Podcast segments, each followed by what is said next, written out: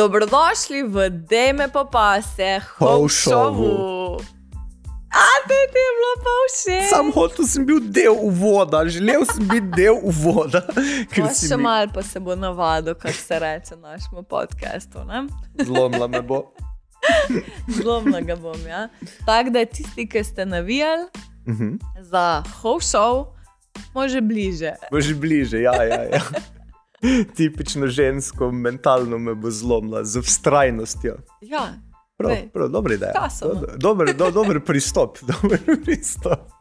Ja, uh, za danes smo se malo pogovarjali, da bi obrala eno drugo temo, ki, ki nadaljuje najno prejšnjo zgodbo. Ne? Se Mhm. pravi, rekla sva, da uh, sva testirala vzrediteljske vode, oziroma da naj jo je zanimalo delo z leglom, primarna socializacija in ta del. Po drugi strani pa sva gledala uh, živalsko policijo, po mojem, najno, najna prva leta zaljubljenosti, vse čas. In sva bila že takrat skupaj v dobrem in slabem, jezdnem, eh, da ne rečem še kaj hujšega momentu. In sva se jezila, koliko krivice je na tem svetu. Je itak, če smo gledali oddajo, v kateri je bilo vse logično. Imaš živalske policaje, ko hodijo, pa pišejo kazni, oziroma dajo pogoje, da se situacija popravi. Pol imaš zavetišča, kam ta, te pse pelejo. V teh zavetiščih imajo vse, ko delajo resocializacijo, imajo tisti, ko preverjajo psa. Vse je tako easy, pa logično izgledalo. Ne? In vem, da dolgo nisem vedel, zakaj pri nas ni česa tazga. Ja, mislim, da smo bila takrat kar naivna, ker mi dva smo se kar odločila, ja, mi dva bomo imela zavetišče.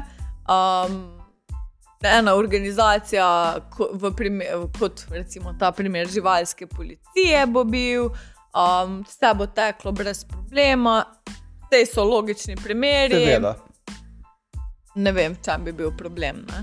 Pa smo polmo, mislim, da skozi leta, pa smo danes, ko govorimo o tem, ker zdaj, če časovno samo predelim, to je bilo pred desetimi leti. Ja, tak nekako, Tako, ja. ne? In pred desetimi leti, v primerjavi z danes, um, ne vem, če smo sploh že to povedali, je bila scena, kar se psov tiče, zelo drugačna. Veliko več psov na ketnah, veliko več psov v slabšem stanju, psi še kar nedovoljeni v marsikateri gostilni, trgovini. Mislim, nasplošno, nasplošno dog welcome teh um, prostorov javnih ni bilo, niti ni bilo pasega parka, recimo v tistih časih. Um, Pandoro nismo zavetišča mi imeli tle v okolici takrat. še, Seveda, tudi zelo ja. malo zavetišče bilo, um, pa na roke smo lahko prešteli takšne, ki so za naše pojme delala dobro, oziroma v dobrobit živali. Ja, tako je, ja, da bi dejansko delala, da živalim pomagajo, pa da odgovorno dajo. Ja. Oh. In kaj je bil naj prvo srečanje dejansko z, z reševanjem? Najno prvo srečanje z reševanjem, kar se tiče varovančkov, um, je bil žak. Se ga spomniš? Mali podolgovat, A, kosmat ve- Vem, ker vem, ker žakec. iz naše ulice. Mhm. ker so sosedi prodajali hišo, oziroma je sosed umrl in se je hiša prodala, a, so novi lastniki rekli, da ni, ni problema, da sta dva psa pri hiši, a bomo jih dali ciganom. To je tako enost, enostaven zaključek v Sloveniji. Bomo dali ciganom, ne se kje. Bojo cigani se zrihtali, oni, Ja, oni se ne. zrihtajo. Tako. Oh. Zdaj tukaj moramo omeniti, da to dajanje, prodajanje v romska naselja, tudi medva sva en del najnega izobraževanja uh, naredila v romskem naselju. In moramo povedati, da marsikdo se tudi obregne ob to, da ljudje um, vem, neke vasi, iz nekega mesta se želijo znebiti živali in jo odvržejo na področjih romskih naselij. ne. Seveda. Tako da um, bom rekla, da tudi mi ne pomagamo kot skupnost. Um, te velike popula populacije živali, recimo, Ja, ki je v Bo- romskih Bodimo realni. ne. Veliko lažje, sploh ko zdaj, ko so zavetišče, je treba za psa, če ga želiš oddati zavetišče, plačati. Ne? In je veliko lažje se zapeljati do ciganskega naselja tam in vršiti pesa ven. Kriv doveš, da bojo oni prevzeli, ne? tako da tukaj nimajo bogi reveži šans. Ne? In, in tudi to jim delajo. ne. Saj smo se pogovarjali z njimi, pa so imeli take situacije. Ja, zelo težko je prevzeti odgovornost, uh, ki jo vse čas omenjamo, kot odgovornost lastništva, tudi v prejšnjih podcastih, sploh kar se tiče odgovornosti otroka do psa, starša do psa.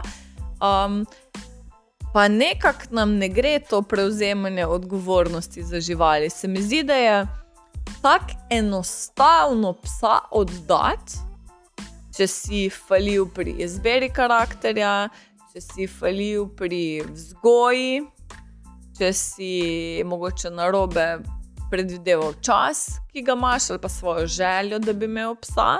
In je zelo enostavno reči, da če ga bomo pa vdali, pa bog ne daj, ker dobim kotine po koncu, bomo novega vzeli. Ja, sem, veš, takrat je bilo tudi malce bolj drugačno. Uh, situacija je bila taka, da so imeli pse večinoma zunaj. Tako da navezava na tega psa ni prišla do te stopnje, kot zdaj, ko je pes skozi teboj naprej, če ga imaš v hiši. Ne? Dobro, zdaj nekdo, ki ima psa zunaj v boksu, pa z njim dela nekaj, je navezan na psa. Zdaj pa, če si, si psa nabavil zato, ker je to statusni simbol. Ne? Vsak prav slovenc mora imeti nemški avto, pa Nemca, ne? tako so včasih tle govorili. In so ja, so si izbirali pasme, ko jih niso znali handlati, oziroma niso znali z njimi delati. In pa ja, kaj pa? Ja, malo jih hud ratu, ne? smo ga dali ciganom ali pa lovcu ali pa kaj v to smer, vedno se je najdlo neki izgovor. Sej, Teh, eh, teh izgovorov se še dan danes znebili. ne. je pa veš, da jim kustim v glavo zraste, se je pes izmešal. Smo ga mogli stran dati, ne? Mislim, da moramo enkrat prav temo narediti uh, miti in legende Ja, ja. o. Okusti v glavo. Okay, vsi, ki poslušate, pa še mogoče ne veste, ne, tu ne zraste kost v možgane, da postane agresiven. Pač enkrat za vse, zaključimo na tej točki. Se mu pa strga, če ga navežeš na ketno, pa ga ne sprehajaš, pa se ne ukvarjaš z njim. Seveda, bi bilo isto, kot da bi mu kust v glavo zraslo, sam za kost daš. Daš, odg daš kako bi rekel, odgovornost na naravo, namesto da jo ti prevzameš. To Nisem se pravim. ukvarjal s psom. Ne? točno o tem govorim. Nismo pripravljeni prevzeti odgovornosti, da nekaj nismo naredili ali pa da nismo uspeli narediti tako, kot bi mogli. Pa dobro, teh, teh rešničkov, ko, ko so prišli za te 3-4 dni, pa to se še nekaj spomnim. Ne vem, kdaj smo tisto aktivno začela. Prav, nimam blage veze, kako smo Dej- začela, začela s tem. Um, Sam v vednost naj povem, da moja teta je predsednica Društva za zaščito živali že zadnjih dobrih deset let. Tako da a, pri, ma, pri nas v družini so se vse čas pojavljale neke brezdomne živali, neke muce iz ceste. Um, Ki jih je bilo treba spraviti k življenju, spraviti k skupaj, ne glede na to, kako so bile povožene, zbite, uh, kje so jih najdli, v katerih smeteh. Tako da bi rekla, da jaz sem uh, odraščala v tem, da vsako žival, ki je pomoči potrebna, ki jo najdeš, jo vzameš domov, spraviš k sebi, ali daš v nov dom, ali pač spustiš v naravo. Um, zdaj pa bolj konkretno, um, je pa eden bolj drastičnih, pač vsaj za najo primeru, sigurno um, protest. Um, prvi naš najin protest, pri katerem sva sodelovala in sicer pred desetimi leti v Krškem, ko smo protestirali pred okrajnim sodiščem pri sojenju enemu gospodu, če ga lahko tako okličem, ki je do smrti za sabo na avtu, na avtokljuki, vlekel psa. Dokler, Gospodu mu je rekel. če mu lahko tako O moj rečem, dokler ni izkrvavel do smrti. Vmes, to sem se zdaj spomnila, vmes se je ustavil še na neki žurki um, pri lovskem domu in je rekel, da ne nekdo tam od lovcev ustreli tega psa, to je bil sosedov pes, ne njegov. Um, pa ker ga niso hoteli, mislim, da ga je pol. Tok časa pelo pa vrgu v nek jark, ker nervozna sem zdaj, ko to razlagam. Uh, o moj bog. No, um, da je ta pa umrl. Zdaj je bolj šokantno od tega. Uh, lahko povem, da to je bil predsednik enega izmed konjeniških društev. Se pravi, še nekdo, ki bi mogel, moral predstavljati vzornega ljubitelja živali, konc koncev, nekoga, ki mu je mar za dobrobit živali. Um, na samem protestu, kamor so nas prišle podpreti tudi članice drugih slovenskih društev, um, pa, je, pa je bilo tako, da um, tega pač mi smo bili zunaj pred sodiščem. To se spomnim. Ja. Nismo videli obsojence, nismo videli nič. Uh, nas je pa šokirala potem uh, končna odločitev sodišča, da mu dajo samo pogojno kazen, ki je dve leti. Aha, se pravi, takrat je bila logika. Če si takšen človek, ki privežeš psa za avto, pa ga za sabo vlečeš, dok ne umre, ti zaslužiš dva meseca pogojne kazni. Uh, ja, mislim, sej, mislim, da pogojna kazen je bila sicer daljša, ampak um, bolelo je mogoče to, da so ga prišli podpreti prijatelji iz tega društva, ljubiteljev. Ja, konja, Avtohtonih, pa sem pri nas, ne vem, če gremo še bolj v detajle. Um, Mislim, jaz bom tako rekel. Kolik, spomnim se, da je pol neki tožil nekoga. Ne? Ja, to je bilo najbolj šokantno. Uh, mi smo, mislim, da en dan prepozno prijavili protest, ker načeloma vsi ti protesti morajo biti prijavljeni na policiji. Vse to smo naredili. Policija je bila zraven, vse čas so se pogovarjali z nami, se isto zgražali kot mi, konc koncev. Uh, potem pa smo v bistvu iz uh, njegove, oziroma iz njihove strani. Um, Slovenca, uh, dobili kazen kot društvo, mislim, da 500 evrov, pa kot predsednica društva 500 evrov uh, za neprijavljen shod. Um, kar je bilo totalno brutalno in za mene, za tiste čase, to je bilo, se pravi, jaz sem bila okrog 20 let stara. Ne? Za tiste čase jaz bi eksplodirala od jeze, od vsega, nič, Neč nisem imela za zgubiti, za stopiš tako. Je pa sej, jaz vem, da sem se takrat tako jezil, zakaj se bojimo govoriti čez take ljudi. Ne? Ker jaz osebno, jaz nočem živeti blizu človeka, ki je sposoben to narediti. Takrat smo izpostavljali, da če je nekdo takšne jeze, da pri zavesti kaj takega naredi, da jaz bojim imeti otroka v takšni skupnosti. Je pa se to, ja. Ker nočem... eden izmed transparentov je bil najprej pes kdaj bo na vrsti otrok. Kaj ne?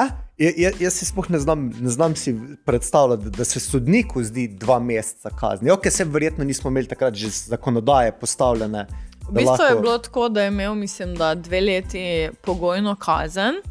Um, potem pa je, uh, je prišlo do pritožbe in je na vrhovnem sodišču dobil dva meseca zaporne kazni. Tako da to je bila, če se ne motim, prva zaporna kazen v Sloveniji za mučenje živali, ki je bila oddelana z nekimi javnimi deli. Eh? Ja, pa ne, pa se vsi vemo, da ko ti oddelaš javna dela skozi neko društvo, da je to vedno vse po, popisano, pa vse natančno zabeleženo.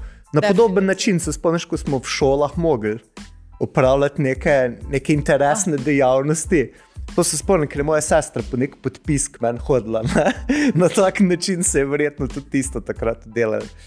Oh, jo, jo, no, ampak jo, jo. pač že, že ta primerjava našemu društvu in predsednici skupno tisoč evrov kazni, Jackson je dobil pa pogojno kazen. Ne? On je ubil psa, oziroma ne ubil, pustimo ubil. On je zmaltretiral do smrti psa, mi smo pa prišli sam tam izraziti, da to ni ok. Je zato, ker takrat se je pes gledal kot dejansko kot predmet. Ne? Dejansko, ja, mislim, da je bil. Zakonodaj. Mislim, lej, Kar se tiče-. Kar se tiče sodnice, je isto, kot da bi jaz hladilnik dal na špago, pa ga vlekel za sabo. Ne? Ne vem, kaj s Kaj? sodnico. Nisem, nisem poslušala tega sojenja. Se boš, da ne. Mogoče res boljš, da ne. Ker vprašanje, kje bi prstali. Sicer zdaj smo, ne? zdaj se je v zadnjih letih, v zadnjem letu, mislim, da nekaj sprejelo, kar se tiče tega, da se lahko više zaporne kazni za mučenje. Ker to je bilo mučenje živali, to Mislim, ni bila ups situacija. Od takrat, v teh zadnjih deset letih, je že bilo kar nekaj zapornih kazni izrečenih. Um, zdaj, kako se to izvršuje, če je bilo polkaj pritožb, če se je vse izpeljalo, jaz ne vem. Ker sem se zaradi vse nervoze, ki sem jo držala, vse tudi malo oddaljila od vsega skupaj. Kaj ni logično, mislim, če zveš, da so vsi videli tega človeka, sto prič lahko potrdi, kaj je naredil, pa dobi dva meseca pogojna. Mislim, če tako povzamem, uh, sej nisem tako dolgo bila spet v, rešev, v aktivnem reševanju. Ja. Rekla, ne. Jaz moram povedati, da med vas sva, oziroma jaz predvsem v društvu in kasneje v lokalnem zavetišču, uh, sem bila ene 3-4 leta zelo aktivna. Ampak ti kot 3-4 leta žreš to svinarijo tega sveta, ko vidiš, kaj vse ljudje so zmožni, da ti vse zagnusi. Zagrauža se ti vse skupaj. ne. In sploh, če si tak tip človeka kot jaz, ki sem zelo impulzivna, zelo, mislim, zelo hitro se uživim, zelo hitro se razkurim, zelo hitro se zjokam, konc koncev, in pol hodiš spat s temi zgodbami, s krivicami. Um, ne ostane zdrav, ne moreš osta ostati zdrav. Pa se zato mislim, da se kar naprej, vsaj takrat sem imel občutek, da se te ljudje, ko so delali v društvu, prav za reševanje, se pravi, da so aktivno delali, da so hitro burnout doživljali, ne, da, da te res zlomite. Tak. Bolj ko si zagnan v to, bolj ko si želiš spremembe, bolj priješ do tistega. O moj bog, to se nič ne dogaja. Saj jaz sem imel tako občutek. Jaz se spomnim, kolikrat sem jaz v avtu ostal, ko si ti šla od človeka Ja, psa mislim, vzeti, ker bi ga ubal. Od, od tega uh, terenskega dela, ki smo ga upravljali, bi lahko rekla, da si ti bil tisti tip človeka, ko si se raje zaklanil v avto, pa nikamor šel, ker bi znoro. Ker bi znoro, ker si mi velikrat rekel, ne vem, koliko zdržiš, jaz bi znoro. Jaz sem imel dva problema. Prvo je, ja, to, ko si rekla, jaz bi znor. Jaz, ko bi mi človek probil razložiti, da je čisto normalno imeti psa v špajzi, v temi zaprtega zadnje šest mesecev ali pa neka taka zgodba, jaz bi ga spekel. Jaz ne vem, če bi zdržal. Da bi, da bi me gledal v obraz, pa mi z iskrenim obrazom to govoril, bil. Ubolo bi. A se spomniš enega takega primera? Ja, se spomnim, ker se spomnim, kje sem bil takrat, ko sem z avta gledal proti tebi pa njemu, pa bi že cel cajt sem tu, tu pet ven.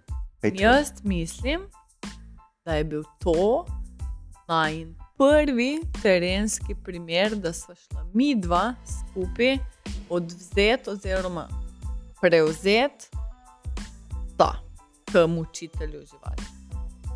Ja. To je bil najin prvi primer. Sicer Ja.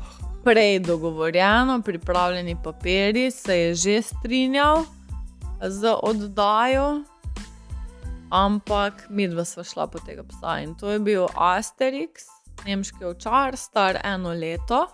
In celo življenje, se pravi, to celo leto zaprt v baraki zraven bloka, ker bloki so take lesene kolesarnice, recimo, ali pa neke ute. Tako mini špajze za sprav, zato ker blok ni imel kleti svoje, pa podstrešje, pa da smo imeli nekam. In ta pes je živel v lastnem urinu in iztrebkih celo življenje, to leto. In spomnim se, ker sprele, boh, ker, eh, ker eh, srh me spreleti. No. Spomnim se, koliko je ta pes, ko je videl svojega lastnika, se ulula. Koliko je plazo se donajo. Ja. In to je bil poba moje generacije. Jaz spomnim se, ja, takrat In tega res- poba, ti vem, da si bil nervozen, ti se raj omaknil. Jaz sem bila cela v sozah, ko smo tega Asterixa od tam odpeljala. Um, ampak žal ga takrat nismo videla samo. Ja, se jaz mislim, da je naprimer, ta zgodba, pa posledično, kaj smo doživeli, že samo okoli tega človeka, je bila ena teh, ko me je zlomil v reševanju. Ko sem se počutil, kot da sem en. Najhujša metafora, ampak res kot smetlar sem se počutil. Kot da imamo sprance, ki delajo pizdarje, levo, desno, mi smo pa tam, da pač vzamemo to, probamo zrihtati, ormo pa opcijo, še enega psa vzeti, še enega psa vzeti, še enega maltretirati in to v hudiču nedogled lahko dela. No? In... Zdaj, um, pojem. Medva smo na tem primeru, skozi vem, ene, tri različne, štiri različne primere smo imeli s tem fantom, moškim, mm. ne vem, s prancem. Ne vem, kako daleč grem lahko s poimenovanjem.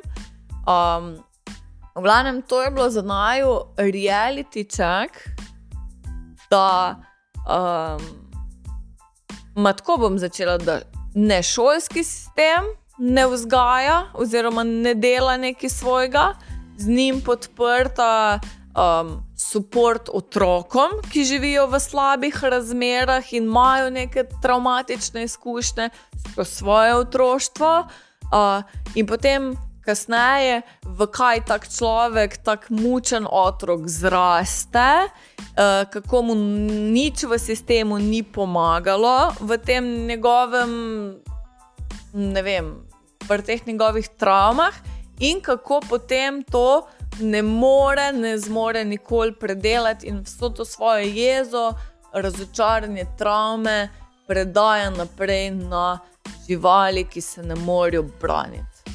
Evo, pa miš, da bi v tem primeru psihiater, se pravi obvezna psihiatrija, ne govorim ljubljena polje, ne, da me roješ, ampak konec koncev tako je vlekel psa, tako je maltretiral, ko smo ga odzeli. Miš, da bi psihiater pomagal, na mesto, da more oddelati neke kazni tako, da dajo psihiatrično pomoč? Bod moralni, to rabiš ti psihiatrično pomoč, če si sposoben psa imeti nekje zaprtega, pa ga sam teč. Če si sposoben ga privezati na avto, pa vleč do smrti. Dej, za prvi primer ne vem. Ne, ne vem, ne, uh, ne poznam tok ozadja za ta drugi primer, uh, pa si jaz ne predstavljam rešitve. Ja, misliš, da je pač. Ne, mislim, to je primer, ko nobena kazen, noben zapor, mislim, ni tle rešitve. Če je človek pač mentalno zelo, zelo, zelo poškodovan. In se je to videl pri petih letih, šestih, sedmih, v šoli, v vrtu, kjerkoli pa da mu potem tudi ta, um, kaj ti sta bila poboljševalnica, kako se je rekel, šola, včasih tem Misl... res težavni otroci šli. Ja.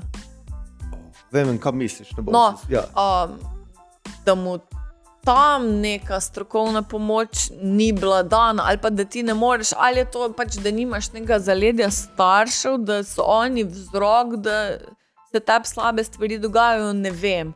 Ampak pač ta fant je danes odrasel, ta fant je moja generacija. On je pokopal toliko živali. In problem je, da kdorkoli od nekih znancev, od nekih sosedov, česar koli, se pojavi z neko tako zgodbo, kaj je bilo pred leti, ti to čist ne pomaga v nekem primeru. Um, Rajno češ verjeti v enem trenutku, zato ker pač ne moreš za nazaj stvari popravljati. Ne? Ja, pa tudi mislim, naprej gledati, pa rešiti. Konec koncev, veš, inšpekcija. M, Inšpekcija ima vedno problem, da um, zbira neke podatke, ampak oni hočejo normalno, direktna, direktne dokaze. Iz ust do ust neke izkušnje so problematične. No, vse konc koncev, če hočemo živeti v neki normalni državi, upam, da ne bojo policaji res od ust do ust verjeli stvarem. Pa na podlagi tega kazni talali, to se strinjam, da mora nek dokaz. Sam posledično moraš pa spet imeti neko enoto, nekaj ljudi, ki bi lahko preverili situacijo. Ne? Zdaj, če ti 20 ljudi pove grozne zgodbe, nekdo nekaj je povedal po resnici. Problem je v veliki, v veliki večini. Je en, bom rekel, tip mučiteljev ali pa tip problematičnih ljudi, ki so imeli živali. Recimo, pa smo jo večkrat vzeti ali pa ga večkrat prijavili na veterinarsko inšpekcijo ali karkoli, je tudi ta sledljivost. Jaz ne vem, na, na kakem nivoju se sploh vodi te evidence. Zdaj vem, ja, zdaj to. Če vemo, da na občini še vedno na plonk listke pišejo neke sezname, pol, vem, da digitalizacija Zirni, v Sloveniji je še tako daleč. ne. Um, mislim, so podjetja, firme dejansko te prve, ki dig digitalizirajo svoje Seveda. stvari. Ne. Državni organi pa halo, kje ste, mislim. Uh, no, v glavnem, in če je nekdo kaznovan, če bi nekdo imel recimo trajno prepoved med živali ali pa kakorkoli, kdo to preverja? In kako hudiča preverja, če se ta človek recimo se, večkrat seli na leto. Veš, ker to so načeloma tudi neki taki nomadi, ki se ne najdejo. Danes tle, jutri tam, zdaj imam tam punco, pol imam tam punco, mal ženo navozim, pol si drugo najdem. Veš, nikoli ni izključno, mislim, vsaj pri teh hudih primerih, ko smo jih, uh, katere smo srečali, nikoli ni, ne vem, psa je parkrat brcno ali pa mislim, slab odnos ima do psa. To je vedno uh, globok problem, to je vedno problem že v družinskih odnosih, to je vedno problem.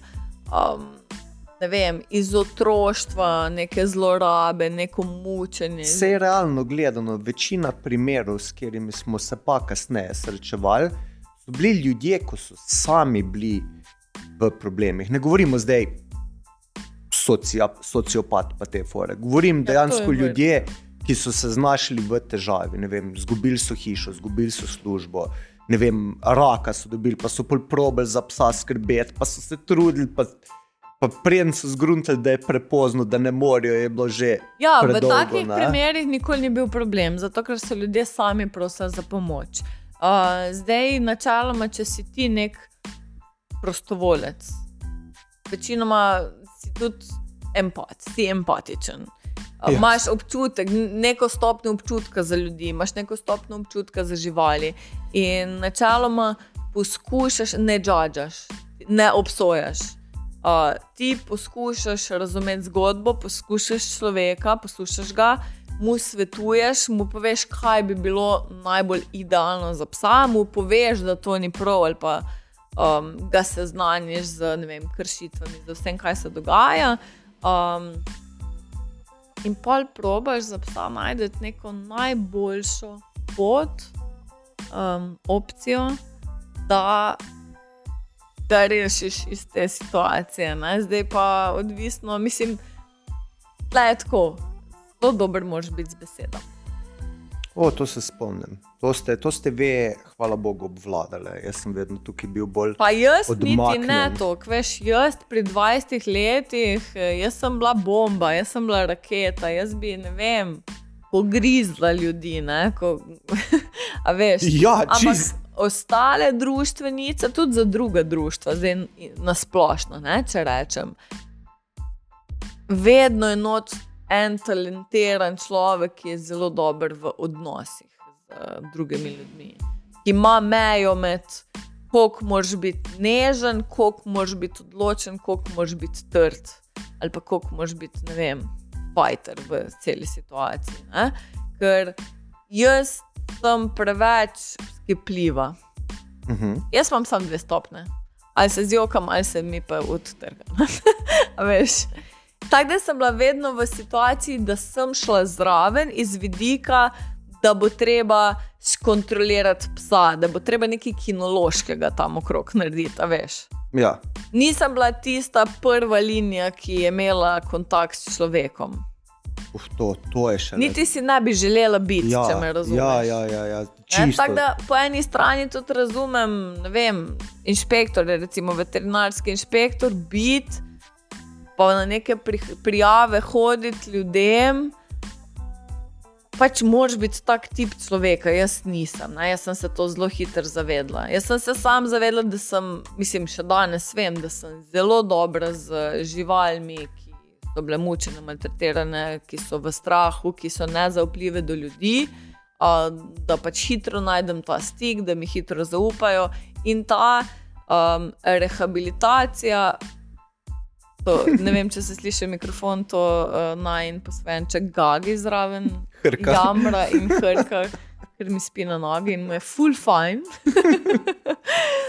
um, v glavnem, ja, tako da um, ne vem, gagi, zdaj si me zmotil. Uh, Hotela sem povedati, da enostavno.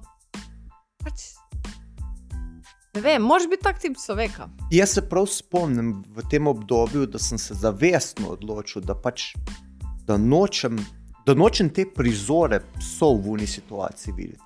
Nikoli me ni motila ideja, da bi prišel k nam, pa da bi mu pomagal, pa da bi ga spravil na noge, pa da bi mu poiskal en srečen dom. Pa ta del mi je bil užitek delati, medtem ko videti situacijo, kateri je sploh uživo, ker gledati na sliki je eno, ko si pa uživo tam, ko zavohaš tisto, ko vidiš že v čem človek živi, v čem pes živi. Po eni strani ga ne moreš žudžati, po drugi strani bi pa kričal na njega, kako kak je do tega prišlo. Ne? In vem, da jaz, jaz spat ne mogo. Jaz sem že takrat vedel, jaz, če bi to, če bi obstajala v Sloveniji živalska policija, jaz si mislim, da je to en tako groznih poklicev prideti na neko kmetijo, pa videti prašiče, pa to do vrtu v dreku.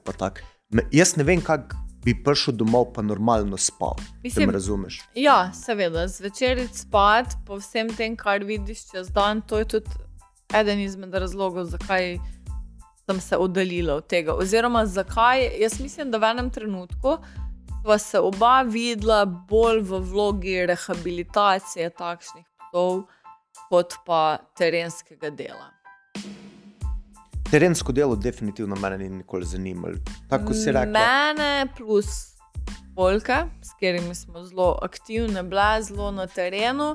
Um, pa, pa vem, veš ta adrenalin, ko greš na teren, to mislim, da greš nekoga rešiti, da boš ne vem, neki eno stvar pripeljal v srečen konec. Recimo, to je stvar, ki te drive, ki te pele naprej. Ne? Ampak bolje, bolje tako, kako lahko ti zdržiš na dolgi rok, kako lahko. Kako zmoriš ti teh pritiskov, kako kak se ti ljudje ne zagnusijo? Ne, veš, sem, to je jaz... zelo podoben šiht, kot ga imajo policaji po eni strani. Zato je tudi živalska policija. Ne? Ker policaji se dnevno srečujejo s podobnimi primeri, mogoče na živalski smer, ampak lahko je še huje. Lahko greš ti v neko družino, ko vidiš zlorabo, pa greš moraš domov spat, pa veš, da je on tam sam. Se moraš znati sklopiti. Sam policaj na koncu dneva je plačen za to. Ne? Veš, prostovoljcu je pa edina nagrada tisti srečen konec, ti občutek, da si naredil neko spremembo, kot ja, drži gor. Zdaj, tako uradno, po vseh zakonodajah, to ni delo prostovoljcev, društva za živali, to, da smo si na jasno. Abejš! Te terene, ki so se dogajali, ki smo jih delali, ki jih delajo, kakorkoli že. To je neka človeška potreba, potreba je pomagati, in predvsem izhaja iz nezadovoljstva, ker se stvari ne obračajo dovolj hitro. Jaz in... mislim, da smo izkušali to, da so društva prevzemala ogromno nalog. Jaz vem, da sem zelo dolgo imel s tem. Hotla ali pa ne hotla prevzemati, ne se to je ta problem. Vedno se ti, kot prostovoljc v nekem takšnem reševalnem društvu, vedno ti hodiš po liniji, kaj je pričakovano iz strani ljudi, hmm? civilne družbe, pač tvoje družbe, v kateri živiš, in meja, kaj je v resnici, kaj ima zakonsko podlago. Ne? Zdaj pa je vprašanje, kak človek si. Mislim, jaz priznam in dobro, vse sem bila veliko tudi po medijih takrat izpostavljena tista leta. Ne? Ampak jaz priznam, da mene noben zakon ne bo ustavil, če ne vem, pred tabo nekdo trpi. Ja, seveda, ne. Eh. A veš? Ja, čisto razumem. Ne?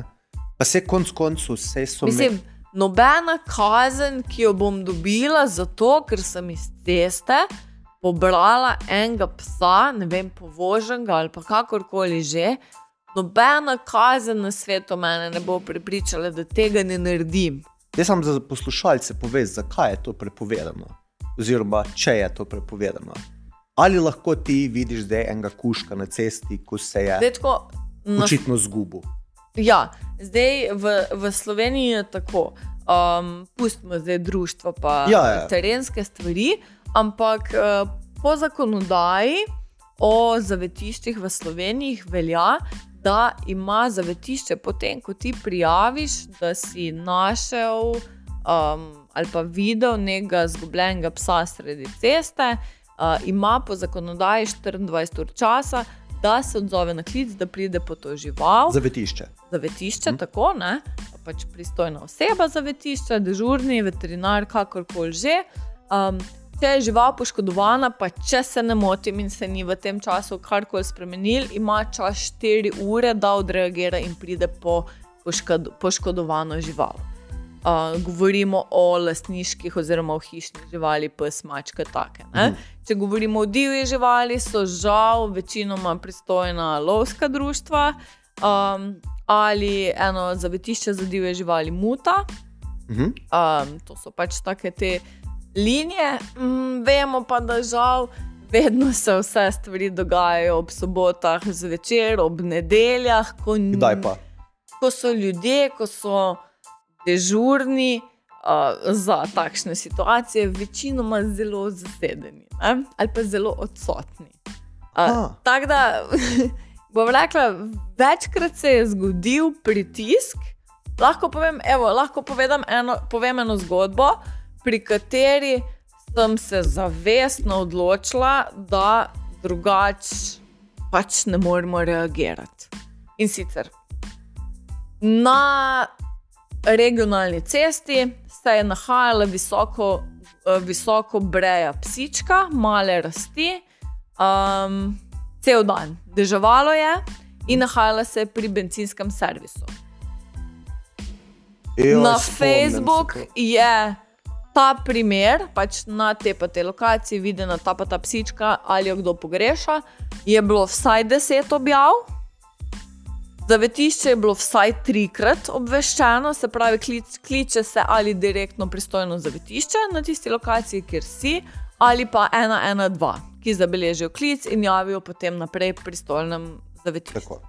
Tako da bilo je večkrat obveščeno, ljudje so javno na te naše platforme, Facebook je bil takrat popularen, pisali, da je nek pes tam.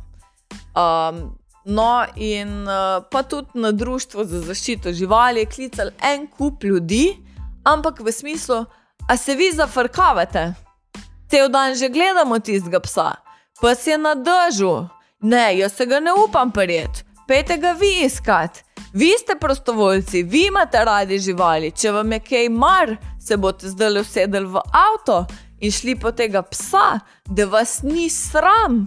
Zakaj pa ste vi tukaj na ta način? Ne? Jaz se prav spomnim, to kot ona govori. Jaz sem bil na drugi strani, ko je poslušal te klice prehajati. To je telefon zvonil In deset najn, in društvo, in tako To je ja. bilo noro, to so samo drr. To je glavna. Enem si poklopil, to je iz obvoznice, Tako. mislim, iz avtoceste proti našemu mestu. Bilo, ne?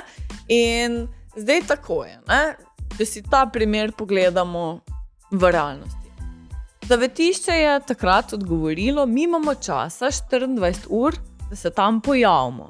V bližini, par kilometrov stran je romsko naselje, joj, zdaj se zaradi gužve izogibamo romskim psom, ker so tako rekoč lastniški. Ne? Ker uh -huh. pač po zakonu je, če ti več dni, recimo, mislim, da je tri ali koliko. Tri dni zapored hraniš neko žival na svojem dvorišču, je ta žival zakonsko tvoja. Ne glede na to, ali sem mimo prišel. ali ne, Odgovarjaš ne. za njo. Pač. Odgovarja za njo, ja? ali jo pa pele za vetišče. No, in zavetišče je reklo, da ima 24 ur časa. Um, in potem kaj naredijo ljudje, ko ti nekdo reče, da pač ima čas? Ja, težijo na benzinski črpalki in kaj naredijo ljudje na benzinski črpalki, kličejo društvo za zaščito živali, če se malo zafrkavamo. Da pes je še kar tam, da pes bo kotil, mislim, da psička bo kotila, da pada dež. Zakaj se delamo norca? To je res, pač tam je 90 omejitev, če se ne motim, Ja, ja, oziroma ja, ja. pač tako. Um, Ja, noč, kaj, kaj bom pa naredila? Mislim, ok, zdaj pa mo moja plat zgodbe. Zakonsko je prepovedano na cesti pobrati nelastniško neko najdeno žival.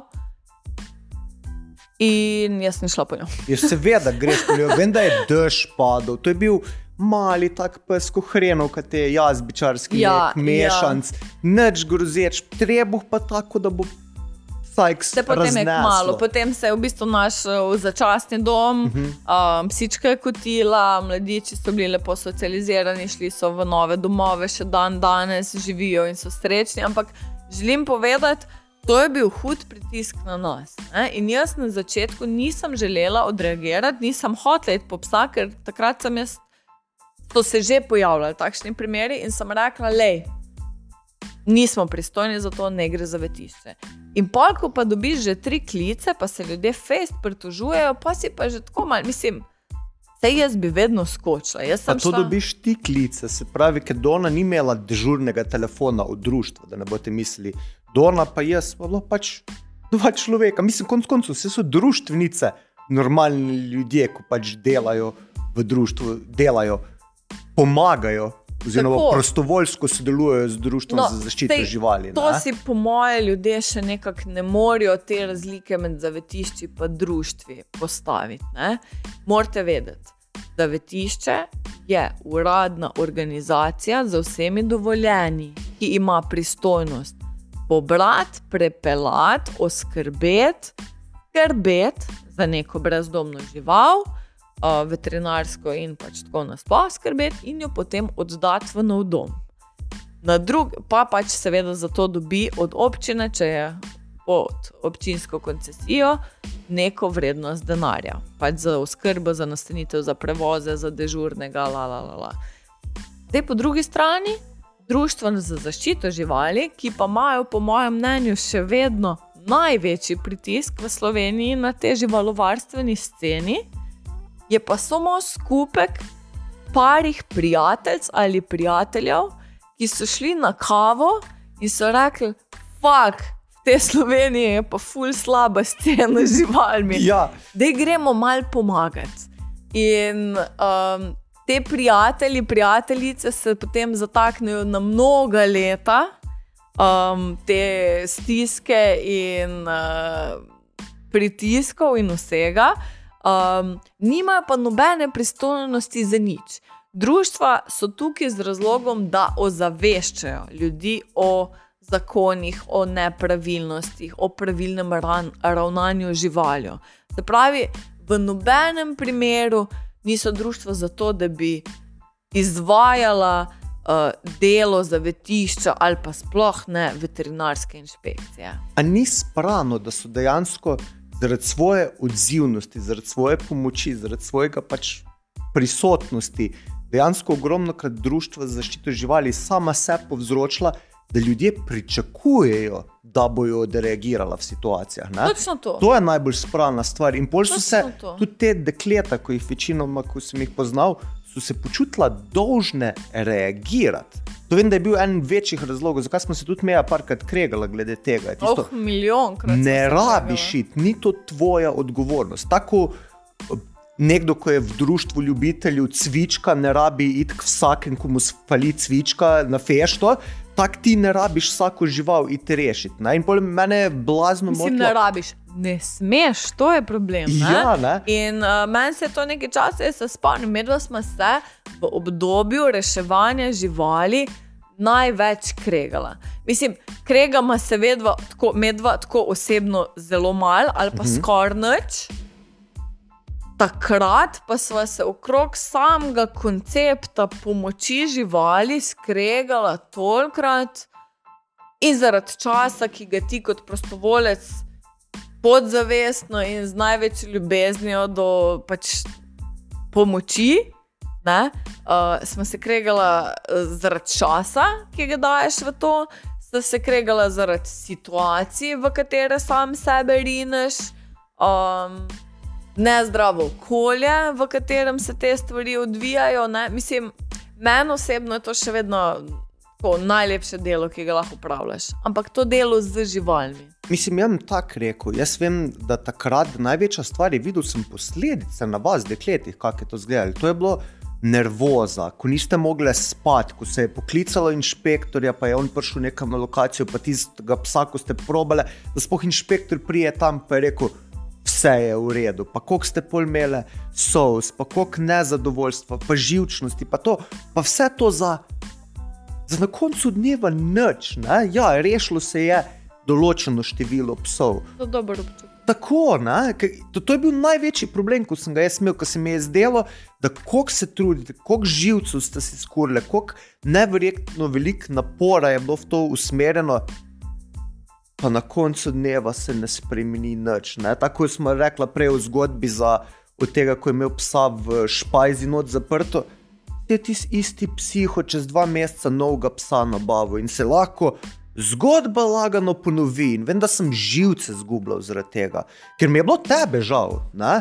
ker se mi je zdelo, ok, zdaj mi vzamemo tega psa nekem sprancu. Vse, kar smo naredili, smo uničili življenje, zdaj še enem psu, ki si ga bo ta spranc nabavil. Ne, in Seveda, ker pa se sprašuješ, ali se splača um, enega psa rešiti, pa naslednjega žrtvovati, ali bi raje žrtvoval tega, ki je že tam. Mislim, a veš, ne, ker uh, zgodba, oziroma na splošno so primeri taki, da se ponavadi vedno ponavljajo neke situacije. Ne? Um, zdaj pa jaz moram povedati, da osebno jaz, oziroma mi kot društvo, smo dobro sodelovali z določenimi veterinarskimi inšpektorji. Zelo dobro. Nikoli si nismo šli v zelje, zelo malo. Mogoče je bil kak primer, da smo jih izpostavili v medijih, karkoli takega, ampak načeloma je bilo to sodelovanje vedno na nekem nivoju. Um, vedno smo hoteli priti do nekega, bom rekla, uspešnega zaključka za tega psa, mačko, ampak um, so se tudi veterinarski inšpektori zelo pogosto najdel v brezizhodni situaciji. V situaciji, ko raj pogleda stran, pa postiš nekim prostovoljcem, da nekako pač po svoje rešijo situacijo, ker veš, da ti in zakoni ali pa s kaznimi ne boš dosegel nič. Mislim, Mi Smo, veš, moraš vedeti, mi smo bile na eni lokaciji, kjer nam je gospod, sicer pijan, pa načeloma nečkaj tako sovražen, sam pač mal tak bolj hecen. In grozil s pištolo, in ne vem, razlagal, kakšne pse ali mačke, ne vem, vtopil v reki, ko jih je bilo viška, ali pa če nam kaj ne paše, ker je bilo tam veliko namnoženo število psov. ne, Um, da če nam kaj ne paše, bo pa vse postrelilo, pa bo nas postrelilo. Pa ne vem kaj. Veš, si v situaciji, ko smo rekli, ok, njim ne bomo nič dosegli, dajmo z inšpektorjem. Ne? In kaj je, pol, kaj je pol inšpektor rešil, spet ni nič rešil, ker uh, bolj ti. Um, nabiraš kazni za tako osebo, ki mogoče za sebe nima ali pa že živi v slabi situaciji, je potem že inšpektor rekel, da nič ne moremo narediti. Človek ne odpira več vrat, skriva se, po, položnic ne dviguje, kazni smo mu nabili že na par jurjev. in kaj ste dosegli? Nič. Načeloma nič, ja. Sej to, jaz po tej strani jaz zelo razumem delo inšpektorjev. Prvo moramo razumeti, da je to večino dosti starejših ljudi bilo med inšpektorji. Niso to Takrat bili sigurno, ja. 19-letniki, ki so hodili okoli pa reševali inšpekcijske situacije. So bili to starejši ljudje. In se moramo zavedati, da večina teh ljudi, ko je odraščalo, je bilo dejstvo, da si ti utopil mladiče, utopil muce, nek, nek sosed jih je nekako to pofental. Je bilo normalno. zgodb so slišali Pa- ja, in so postale kar. Um, Pa ne po moje slišali, bile so sprejete. Zato, ker jaz verjamem, da pred časom kastracij, sterilizacij so se hitro zgodile ogromne populacije psov na eni kmetiji, lahko tako. ne. To nisi rabo ne vem, kako dolgo časa čakati, da se namnoži 24 psov. Ne? In jaz mislim, da so res reševali tako. In jaz mislim, da je čas, kako je hitro napredoval, pa kako smo konec koncev ljudje s tehnologijo napredovali, je tudi standard psov rastel. In da mnogi inšpektori mogoče niso niti dohitevali standardov, mogoče so spet po drugi strani standardi aktivistov bili preveč absurdni za tisto. Situacija, bodimo realni. Zdaj jaz vedno tako pravim. Aktivisti tudi danes, tudi kdajkoli, so vedno mlajši ljudje, ki si pol želijo spremembe, ki želijo najboljše in so včasih slepi na neke realnosti. Ne? Tudi medva smo takrat blako, smo gledali, pa to bi moglo biti pa uno, pa se bi se zrihtalo. Ne? Ne? Vse je bilo v nekih idealih. Tako. In zdelo se nam je zelo enostavno, ker je bilo pač logično, ok, ti delaš tako, pa tako živalmo, ne zasluži si je, jo bomo vzeli zrihtal daljno v dom. Ja. Ampak stvari niso tako enostavne. Vem, zdaj, se... ko si omenil teh 24 eh, psov na množenih, uh mhm. -huh. to je eden najnih, v bistvu skoraj zadnjih primerov na terenu. Uh -huh. um, ker smo po mnogih letih, mislim, tako kot sem rekla, da smo se pol mal ponikala v svetu reševanja psov, uh, vse čas ostala zelo zvesta rehabilitaciji, um, ali mučenih, ali zanemarjenih, ali samo neželenih psov. Uh, in muc, konc koncev, ja, ja. um, nismo več to tako na veliki zvon devali. Um, tako da ne, ni se zgodilo, da zdaj pa služba z, z psi, pa ne vem kaj, pa da zaradi tega več ne pomagamo eh, pomoči po, eh, pač potrebnim živalim. Ne, ne medva smo usporedno in s šolanjem, in s friziranjem, in z varstvom, vrtcem, z vsem, smo konkretno delali z brezdomnimi psi. Sam nismo toliko izpostavljali več te stvari kot ponovadi. Zdaj se bomo prišli do tega. Jaz sem bil vedno dokaj proti ideji donacij. Zato smo vedno zelo temeljili, okay, da gremo medva izkušnje, pa to pridobivati skozi neko delo, da bomo lahko brez težav pomagali tem psom. Pa, pa rešitev za večino situacij smo praktično videli, mislim, smo videli skozi izobraževanje ljudi, da spoh ne pride do določenih situacij, s katerimi smo se srečevali na terenu. Ne? In, naprimer, ta zgodba, ko se je začela v teh 24 hudinjih, je bila meni ena najlepših zgodb, kar se tiče, kako se je stvar izpletla. Ne? Od tega, da je sam inš, inšpektor videl, okay, kaj bom jaz zdaj tem ljudem kazen nabil, do tega, kako smo rešili situacijo. Se boš ti zdaj bolj lepš povedal, ampak ta zgodba je bila ena prvih tisto. Ok, vsaj ni nek sprani inšpektor prišel, pa jim kazni nabil, pa ne vem kaj ki ne bi nič se rešilo na tem. Niso jih dali zavetišče, ki je bi zavetišče oddali 24 psov. Tako je povedal na zgodbo, da jaz ne, ne vržem zdaj vse informacije ja, prej. No, to sem hotel povedati. Ta zgodba je ena najnih. Um, Zadnji. Zadnji, zdaj v tem času, um, da ni bilo v smislu, da je pes rešen, prišel na socializacijo k nama, pa ne vem, iskalno v dom, ampak je bila prav gremo na teren. Um, jaz na smeh do šest, zato ker že dolgo nisem bila, res sem se veselila, konc koncev same situacije. Um, pa sem z svojo staro ekipo, če, sem, če se prav spomnim, ja, ja. s Katijo, Sandro, ko smo že leta in leta tudi v zavetišču zelo, zelo aktivne prostovoljke bile. In uh, teta nas je po pogovoru z uh, lastniki tiste lokacije, tiste kmetije, in po pogovoru z inšpektorico poslala na teren, na kmetijo, kjer se je namnožilo nekaj psov. Nekaj psov. Nekaj psov. Tako nam je bilo povedano. In uh, stvar je bila taka, da je najprej šla ona tja iskati enega psa, ki mu bo našla nov dom. In je potem klicala mene in je rekla, da je kar nekaj velik teh psov. Ne, ne je bilo povedano, da so imele dve samice mladiče. In to je bilo to. In ko je odprla vrata, je rekla, teh psov je ogromen, to je 20 psov, ne vem. Pojte jih ve pogledati, iskati karkoli že. V glavnem plan je bil, da gremo tam, da jih preštejemo, popišemo, damo vsem ampule v glavnem, da se začne populacijo reševati. Zdaj pa mi smo se pripeljali tam. Gospoda sta bila največja cukra na svetu. sretni česar, brez signala, brez vsega. Ona dva prijazna, navdušena, res. Postregla sta nas, zajest sta nam naredila vse. In potem smo mi šli pogledat te njihove pse. Ko smo me odprli štalo, ne, ker to je bilo v bistvu um, ene šest psov je bilo na ketnah prevezanih, ne, oziroma pet psov je bilo na ketnah prevezanih. Uh, tisto je že bil prvi šok, tako joj, bogi psi, te so pa zunaj prevezani. Ne. Um, no, pa je rekel, ne, ne, ker pridite naprej, da bo svinjake.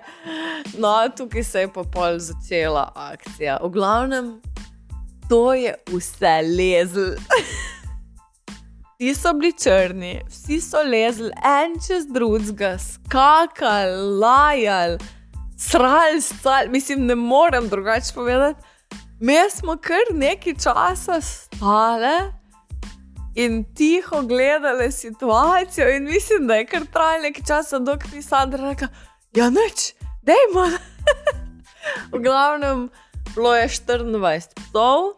Načeloma, vsi, razen tistih na ketnah, mamice, ne, vsi stari nekaj par mesecev do dveh let, gospoda sta bila pač dva, gospa, dva gospoda, ki se ne znajdeta dobro v tem svetu, ki ne poznata nasploh veliko dogajanja okrog sebe, uh, ki mogoče tudi ne znata prositi za pomoč ali pa kakorkoli že. Uh, in njun argument je bil, da jih nista hotela ubiti.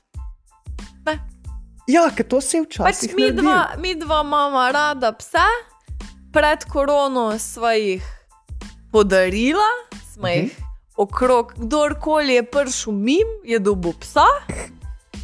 Kuslanino, občasno. ja, zdaj pa, ker ni turistov, ker ni mimo dočih, ker ljudje ne hodijo več tako okrog, zato ker je korona. Um, pa jih nismo imeli kam zadati. In smo jih zaprli v svinjake, ker drugače bi bili po celi vasi. Um, pa jih je nastalo še nekaj več. Ne? Tako da v bistvu um, ni šlo sploh za noben prepir ali kar, karkoli že. Uh, jaz takrat si nisem si mogla pomagati, takoj sem domov pripeljala. Mislim, Marko mi je dal malo dovoljenja, da lahko kakšne mladiče domov pripeljem. Pa smo se pa bali še za dve semice, da so mogoče še one brede, tako da v prvi rundi sem domov pripeljala, mislim, da nekaj šest psov. Tam šest, ja. Malo so sledili trije, pa potem še dva, potem še, v glavnem, tako naprej do 15, ali koliko so jih medva samo imela. Ne? Zdaj pa zakaj? Um, inšpektor je rekel, da, oziroma inšpektorca je gospodoma rekla, da se zaveda, da pač takšne hude denarne kazni ne bo ta mogla pokriti, da želi od njiju, da gre sta v zavetišče oziroma na veterino. Um, čiperati največ, ne, tako kot je dovoljeno na gospodinstvo, največ pet psov, ki si jih izberete za svoje, te pet čiperati. Um, ostale pa da oddata. Zdaj si pa lahko predstavljate, kako lahko ona dva oddata te pse. Sredi ničesar, brez signala, nimata nobenega poznanstva. Ne? In takrat je, mislim, da tudi njima dala ta inšpektorica številko društva za zaščito živali, pa reka, lete, proste jih za pomoč. Ne? Tako da v tem primeru smo bili poklicani, a, da pomagamo. Um, problem pri teh pseh je bil pač bili so zaprti v temno zgradbo. Um, psi niso poznali svetlobe, niso znali hoditi po travi, niso znali hoditi na povodcu, niso bili navajeni, ne vem, že jesti iz posodice, v glavnem tako osnovne stvari, um, katerimi ne moreš psa poslati v neko, ne vem, zavetišče, pa jih potem kar oddati. Mislim, da se oba vemo, da tudi nočeš dati zavetišče v tej situaciji. Dej, zavetišče bi moglo imeti zelo, zelo močno ekipo, da oddate pse v primerjavi z nekimi društvi. Ne? Dej, to je pač tudi moj glavni razlog, vedno bil, zakaj si želim, um, da bi pač tudi jaz imela svoje zavetišče. Zato, ker sem se zavedala uh, zelo hitro, da zavetišču manjka ena pomembna sestavina. Imajo oskrbo, imajo veterinarja, nimajo kinološko podkovanih ljudi, ki bi lahko najbolj idealno peljali nekega psa, ki ima probleme ali pa ki sploh nič ne pozna okrog sebe. Um, Čez nek proces resocializacije, da bi lahko najdel tem dom. To se mi zdi idealni trenutek za transfer za naslednji podcast, kjer bomo govorili o naših izkušnjah z zavetiščem, najnih problemih in vse ostalo povezano z zavetiščem. Takrat pa. Čau, čau!